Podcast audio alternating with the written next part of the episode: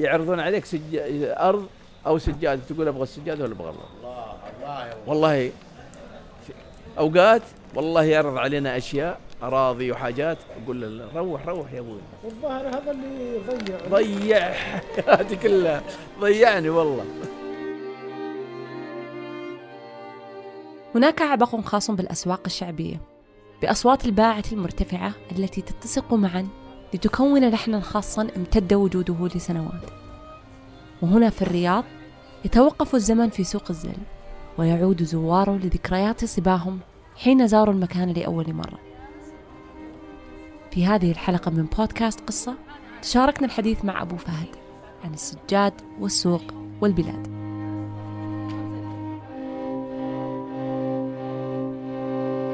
والله هي مثل ال- الإنسان يعني هي رغبة في الإنسان وهواية السجاد هواية.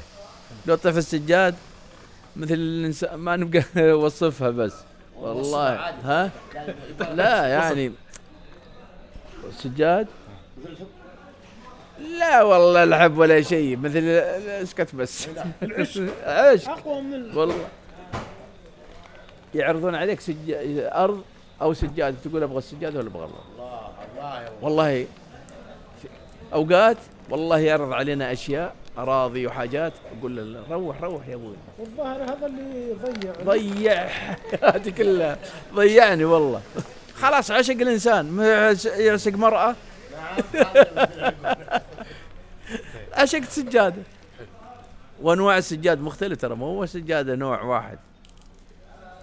عندك سجاد إيراني عندك سجاد تركي عندك سجاد أفغاني عندك سجاد باكستاني عندك تركمانستان عندك روسيا في سجاد بس ف- الصين في. فهد، بس إن الأقوى السجاد واللي أنت حبيته منتشر. منتشر إيراني. المنتشر في العالم. منتشر في العالم وأغلى شيء الإنسان كيف يتطور؟ يتطور بالامانه والصدق أنت نعم، تصدق مع العالم وتأخذ. الأمانة والصدق تكذب على العالم والله ما تسوي شيء. ولا يومك كاذب خلاص مكشوف قدام الناس خليك صادق مع العالم وأمانتك والاستقامة. اليوم تأخذ العالم بالصدق والأمانة ولا لا؟ إيش عندك الانسان؟ الحمد لله. لأن أبوي أول كان في السجاد آه العائله. إي إي أبوي بدايته في السجاد وأنا مس- مسكنا السجاد وخلانا نمسك هالطريق. فمن وأنت صغير كنت إي والله أنا من صغير في- معه؟ كنت أساعده وأروح معه واجي معه هذا الصباح كان بعد صلاة الفجر الواحد يتريق ويجيك في الصباح. واللي يجي في المساء أذان الظهر خلاص يقفل إلى أن اذن العصر تفتح بعد صلاة العصر. بعد صلاة العصر المغرب كان أول سكر. مرة سكر المغرب.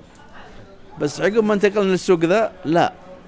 بدينا الصباح الساعة 7 إلين 12 ومن اثن من 4 إلين 10 لا نقوم الحمد لله من بعد صلاة الفجر ما عاد ينومون عندنا. يصلي الفجر ويروح يتريق ويجلس. بس طلوع الشمس طلعت الشمس أكثرنا هنا. وبعدين كان ذاك بقربته يرش المحلات. الموية. ما كان بلاط ما كان. ما كان في بلاط. كان يعني كله تراب بس كأنك طالع البر. فكانوا يرشون على الأرض. يرشون موية علشان تثبت ال- المواد ال material في غبار ولا تثبت. علشان ما يطلع غبار. بعدين يتباركون في ناس ما شاء الله يحطون ملح ولا يحطون شيء يتباركون يعني. ما ك- قبل كان تراب الأرض وكان في اي اي ما في لا بلاط ولا في شيء كلها كلها أرضية. وبعدين المحلات ما كان آه، شو اسمه باطون والتعمير. التعمير كله طين وخشب. هذه واحدة. الثانية أضيف أنا لأبو فهد أنه أول الناس ما عرفت الموكيت.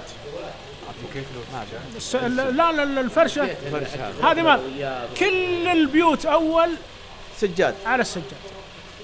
عرفت؟ هذه واحد. شغلة ثانية أنه أول شيء أنت تعرف حياة الإنسان سواء كان الموظف أو صاحب المحل. كانت حياته بعد صلاة الفجر يقوم. زين؟ زي الفلاح. أي زي الفلاح. إي هي نعم كل صاحب المحل يسحب ينشر. يعني يروح المحل وصاحب ال- اللي يعني التجارة الخاصة يروح والموظف يروح. عندهم فترة بعد ال- الظهر. راح. إيه وعندهم القيلولة هذه كان في قيلولة طبعا اللي هي قبل قبل- أذان العصر قبل- معروفة. نعم. اي ما قبل العصر. فهذه كانت حياة الإنسان بوجه عام. يعني نحن المجتمع الرياض هذه كانت الحياة بوجه عام. بعد صلاة العشاء بيكونوا نايمين وهذا كان من أول ما في تكييف وما في طبعا أنا ما اتكلم في عن- تلفزيون ولا ولا, في راديو تلفزيون ولا, ولا يلا في- اللي عنده راديو بس. إي نعم. بس. و- وكان الراديو بتصريح. نعم كان بتصريح تأخذ تصريح إنك تستخدم الراديو. وإن كان وإن دروا عنك الهيئة إنه عندك راديو مشكلة. الهيئة الأمر بالمعروف رجال الحسبة. هذه واحدة. الثانية كان آه، طبعا لظروف الأجواء. ما في مكيفات ما في سبلتات ما في الشغلات هذه. كانت تفريش ال- المطارح ال- ال- القطن كانت هذه في السطح. عش عشان تتبرد بعد المغرب يجي وقت النوم يعني على الساعة ثمانية ونص وتسعة رجل خلاص ينامون في, ال- في السطح. ندور واحد شباب عطني عطني شباب. أنا عطني عطني أوظفه. أنا أتمنى أن يكون عندي واحد شاب يبغى يبغى وظيفة. بس شاب يبغى يشتغل؟ أتمنى والله. أقول له روح للتجارة والتجارة والعمل. اعمل. هنا الحمد لله باب مفتوح عندنا في السعودية. مفتوح عندك باب وعندك مجالات واسعة. اشتغل. ما بقعد ال... والله.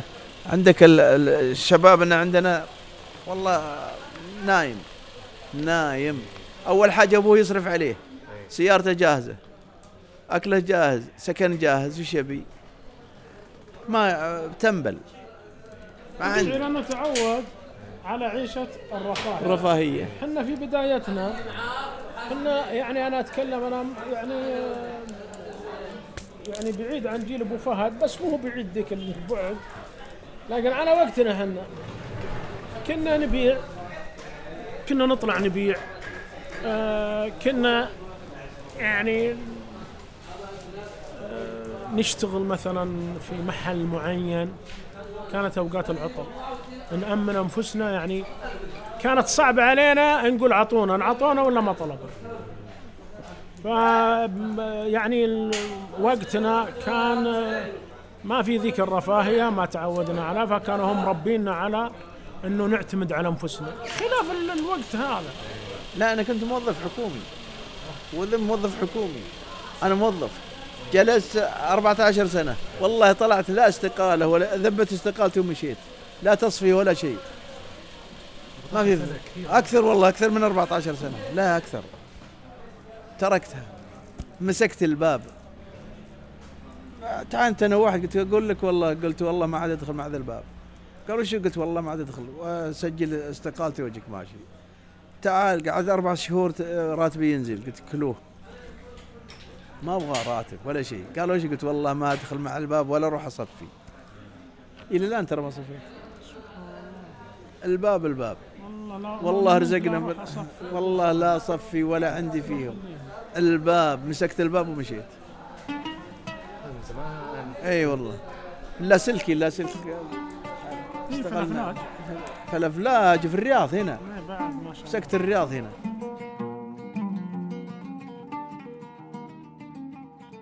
وجد أبو فهد في السجاد هواية ومتنفس وأصبح مع رفيقه شواهد على عصر مضى يتذكرونه كأمس رغم مضي عقدين من الزمن ينظرون إلى المجتمع من زاوية سوق الزل العريقة شوف التنقي اللي انت تبغاه لا كان عندنا شغل صحيح شغل شغل شغل شغل يعني شغل مستمر عندنا خواجات وعندنا عالم لدرجة إن الويكند يقول لك ما أقدر أكلم تجي. تاخذ منه كلمتين ما تقدر لو تجيني. يوم الجمعة والخميس الخميس. والجمعة ما أكلمك ما. زحمة كان.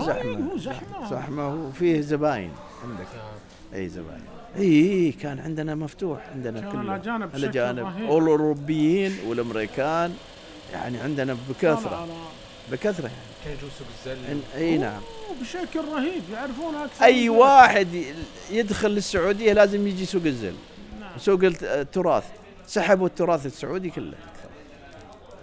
هم الأوروبيين أكثر الأوروبيين السويد والنرويج كل أكثر زبايننا كله يشتغلون عندنا الاشياء النجديه وإن كانوا يعني زياراتهم بشكل مستمر للسعوديه بس ما في أحد. الآن يعني في بقلة تحصلهم بقلة. عندك. إيه.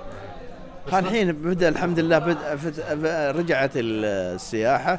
عندنا ورجعت بدينا الحمد لله. في في في الآن في حركة السياحة.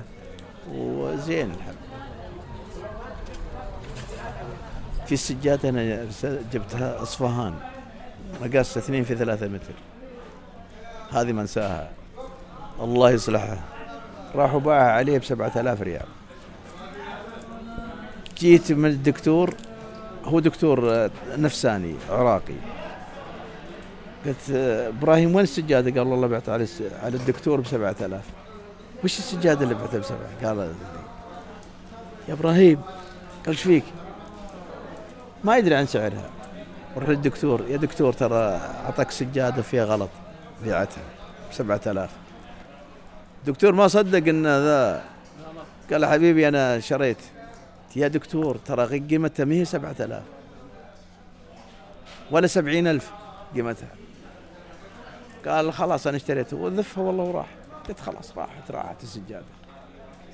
اصفهان عمرها فوق المية. هذه اللي غبنتني في حياتي من السجادة. تقدر تشتكي. ولا اشتكي ولا شيء. خلاص باعها الرجال.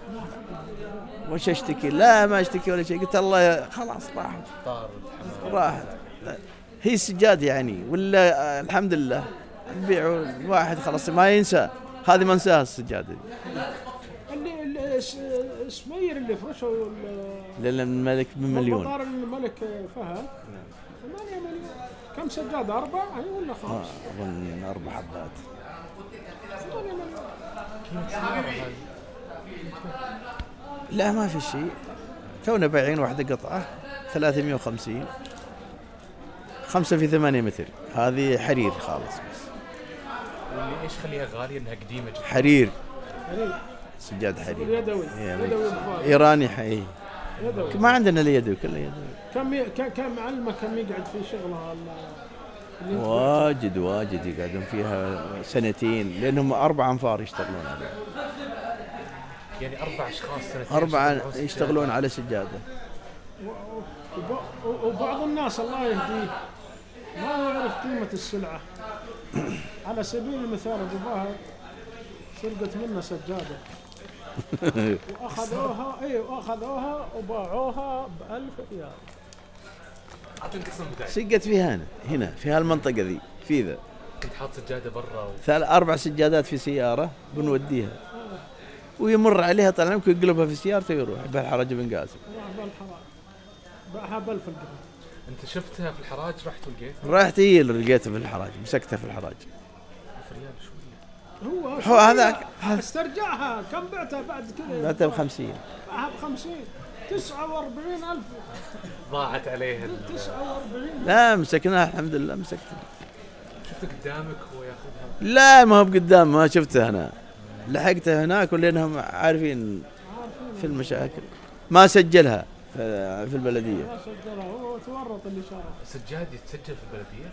هذا كان في الحراج بن قاسم. هذا؟ لأن اللي شراها عارف. عارف. ليش دفع ألف؟ أساسا أساسا بعض الزل لما يجي مق... أنت ما أنت عارف ال- ال- الزوالي اللي إحنا نسميها الزوالي العادية. حاليا أنت لما بتأخذها وتزاود فيها مستحيل في أي حال من الأحوال تتجاوز ال 400 500 مستحيل إلا أنت عارف السلعة إيش هي توصل ألف. سرق منه سجادة هنا. لمد آه، جلست حوالي سنتين. جابها راعيه اللي ذا شراها حرجها هنا. أنا مع أنا وشريك اللي بدر أبو بدر الله يغفر له توفى يماني. حاطها عنده في المس في محلهم. وامر السجادة لأن مفروشه يحرج عليها. أبو بدر أنت بايعن السجادة ليش ما أعطيتني حقي؟ قال والله ما بعتها. جاب الحلال السجادة. وتعرف وين السجادة؟ قال لي شفها في الحراج. سبحان الله عرفت انت إيه. قال أنا ونروح ذا ونمسك اللي الدلال. قلت وين من معطيك إياها؟ قال والله معطيني إياها. ابن مخيمر عبد العزيز. بن خالد قلت من روح لبن خالد السجاده سجادة بن خالد من باعك إياها؟ قال نفس اللي يحرج عليها. الطريقي. وأمسك قلت السجادة سجادتي. وين جدكم؟ قالوا الطريق عاد اعترف. قال والله معطينها يمان وبعتها. كم بايعها ب 1008 كاشان أربعة بثلاثة قديمة. طب مو كنت متصب صاحي انت والقط السجادة دخلها. قلت قلت السجادة سجادتي ما هي بسجادة أحد. جابوها الله. الآن بوديك بوديك الشرطة يا ذا. يتدخل الله يغفر له ابن غيث فهد. قال له يعطي ابن خيمر قيمة السجادة وخذ سجادة. خلاص. روحوا صلحوا صلحتوا سجادة سجادة دخلت المحل ولا على ها؟ أنا مشتريها لا مشتريها رخيصة أنا أظن ب 1200 ب 2200 أو ب 2200 دخلتها من المحل. وراح عطى ابن خيمر شو ابن خالد مبلغها. هذا قلت ترى والله لو رحت للشرطة والله مسكون كنت وياه هذه من اللي نعرف لأن سنتين ما شفتها. قال لي شلون عرفتها؟ قلت شلون عرفتها؟ سجادة. عشقي. عشقي ليش ما أعرفها؟ عرفت السجادة أقول للشباب اشتغلوا. اعملوا. أعمل. وكل الحمد لله. عندنا سوق مفتوح وخير من الله. والحمد لله يعني بلدنا بلد مفتوحة. بلد ما تختلف عن أي بلد في العالم. الحمد لله. ومفتوح لك المجال اشتغل. اشتغل يا. لكن عندنا الله يهديهم بس شباب الله يهديهم. حنقول لهم الله يهديهم والله يا أخي الشغل الحمد لله. الحياة بحر واسع من الاحتمالات وهناك مكان شاسع للدهشة وكل منا قصة تستحق أن تروى. فعشق أبو فهد للسجاد جعله وصاحبه معالما من معالم السوق يعرفون أزقته كما يعرفون ظهور كفوفهم وتربطهم صداقة كنسيج الصجاد الأصفهاني الذي يحبان يقف شواهد على عصر مضى وعصر آتي. فانظر في داخلك وفيما حولك بحثا عن القصة التالية. فالقصة لا تموت القصة تحيا إلى الأبد.